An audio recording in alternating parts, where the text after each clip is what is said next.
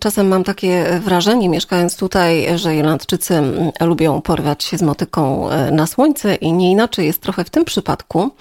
Otóż e, każdy Irlandczyk zdaje sobie sprawę z faktu, że masowy eksodus Ukraińców to nie lada wyzwanie. Irlandia zadeklarowała chęć przyjęcia od 100 do 200 tysięcy uchodźców, ale żeby spełnić tę obietnicę, potrzebujemy rewolucji w sposobie działania państwa. Bez niej z kryzysem uchodźczym poradzimy sobie tak samo źle jak z innymi, a poczucie wstydu pozostanie z nami na co najmniej dekady. Ogromny przypływ współczucia, szczególnie w pierwszych dniach wojny, sprawił, że większość obywateli zaangażowała się w pomoc ofiarom rosyjskiej inwazji. Jakkolwiek współczucie jest bezwzględnie konieczne, to na dłuższą metę niewystarczające, zwłaszcza w obliczu z pozoru tylko przyziemnych zagrożeń.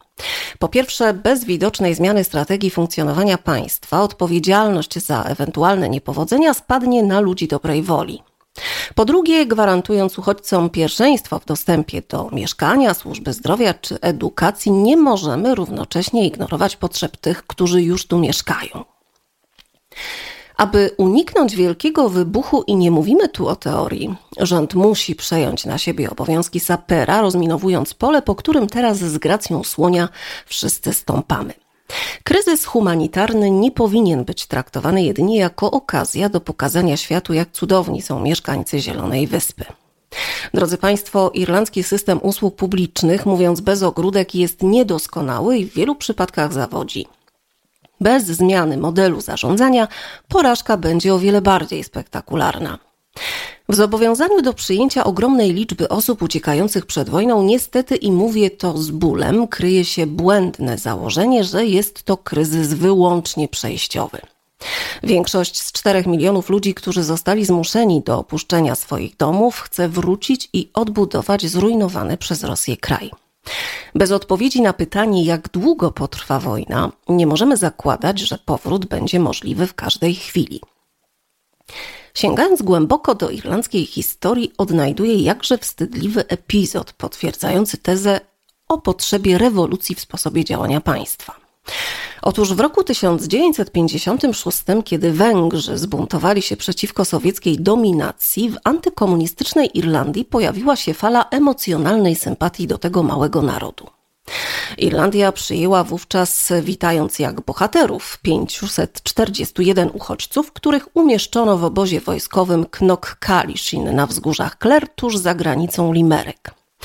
Po roku zapomniani węgierscy uchodźcy stali się, uwaga, uchodźcami, ale z Irlandii. Kiedy rozpoczęli strajk głodowy prawie wszystkich Organizacja Narodów Zjednoczonych przesiedliła za wielką wodę do odległej Kanady. Ktoś powie, że to wydarzyło się dawno temu, w czasach, kiedy nie byliśmy ani wystarczająco bogaci, ani wystarczająco rozwinięci. Tyle, że na początku stulecia, będąc już krajem zamożnym, ten wyczyn udało nam się powtórzyć. Ponownie zareagowaliśmy z empatią wobec napływu ludzi z terenów objętych konfliktem zbrojnym.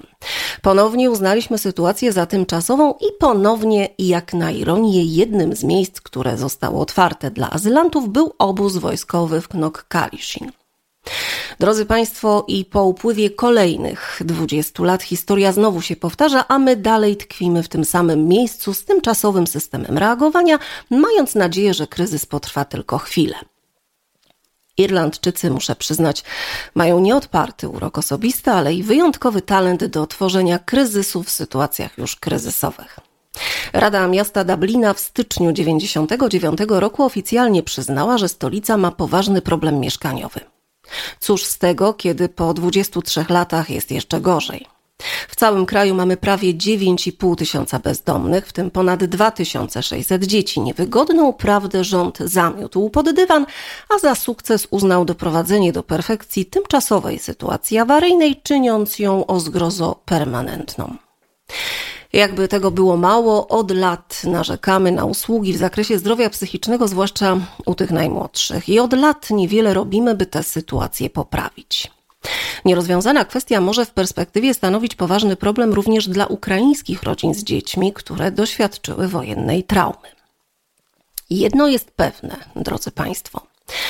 Poszczególne obdarzone empatią jednostki, parafrazując Tuwima, choćby nie wiem jak bardzo się starały, to nie udźwigną taki to ciężar. Jednostki nie są w stanie zapewnić długofalowych rozwiązań zarówno w zakresie mieszkalnictwa, jak i usług w obszarze ochrony zdrowia psychicznego, gdyż one zwyczajnie nie istnieją. Dobroczynność, jakkolwiek krzepiąca i podnosząca na duchu, nie sięga aż tak daleko. Bycie użytkownikami wyniosłego idealizmu to jedno, a urzeczywistnienie idei to drugie. I na tej płaszczyźnie nie mamy wzniosłych osiągnięć.